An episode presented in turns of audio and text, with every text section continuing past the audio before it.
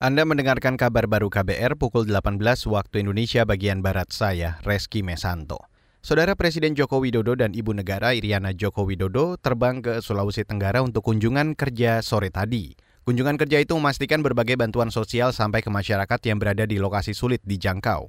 Di Sulawesi Tenggara, sebanyak 2.500 personel gabungan TNI Polri disiagakan untuk menyambut kedatangan Presiden Jokowi beserta rombongan di kota Baubau. Diperkirakan Presiden Jokowi tiba di Bandara Halu Oleo pukul 19.45 waktu Indonesia Tengah atau 18.45 waktu Indonesia Barat. Juru bicara Korem 143 Halu Oleo, Rusmin Ismail menjelaskan, ribuan personel akan melakukan pengamanan di tiga daerah yaitu Kota Baubau, Kabupaten Buton, dan Buton Selatan. Rusmin menjelaskan personel gabungan akan mengamankan jalur yang dilalui dan tempat yang bakal dikunjungi Presiden dan Ibu Negara Iriana Jokowi. Selanjutnya pada Rabu lusa, rombongan Presiden akan melanjutkan kunjungan kerjanya ke Ternate, Maluku Utara dengan agenda yang sama. Beralih ke berita selanjutnya, Saudara, pihak kepolisian diminta proaktif menangani kasus peretasan yang menimpa 24 awak redaksi media narasi.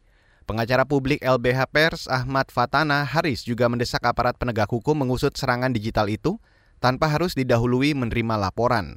Ahmad membandingkan diskriminasi sikap dari aparat terhadap peretasan yang dialami awak narasi dengan ketika dialami laman Sekretariat Negara tahun lalu. Ketika itu kepolisian lebih responsif menangani peretasan laman. Yang mau saya bilang bahwa kalau kita mau melihat logika uh, aparat penegak hukum itu tidak mesti tunggu laporan untuk menindaklanjuti adanya du, adanya dugaan uh, tindak pidana peretasan ini. Ya kalau bisa aparat penegak hukum sebagaimana kasusnya setgap peretasan itu harus di, di, di, dilakukan juga penindakan. Pengacara publik LBH Pers Ahmad Fatana Haris. Sebelumnya sejumlah jurnalis media narasi mengalami peretasan secara serentak.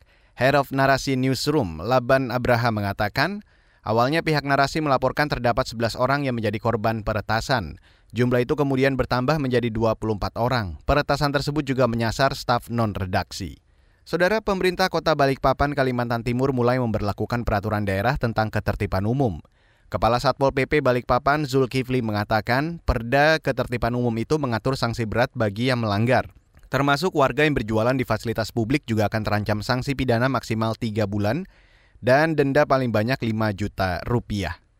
Ketentuan kita di, di Perda Tibum kita itu, Perda 10 2017 itu berbunyi bahwa setiap orang itu dilarang untuk menempatkan benda dengan tujuan untuk menjalankan suatu usaha eh dagang lah ya kan ya. dagang itu dengan tujuan lainnya di tepi jalan Kepala Satpol PP Balikpapan Zulkifli berharap perda ketertiban umum diterapkan secara progresif seperti yang dilakukan pemerintah kota Surabaya, Jawa Timur untuk memberikan efek jerah. Tapi bagi warga yang belum tahu adanya perda ketertiban umum, maka sanksinya bisa lebih ringan. Misalnya denda hanya Rp50.000, begitu juga dengan sanksi pidana yang singkat.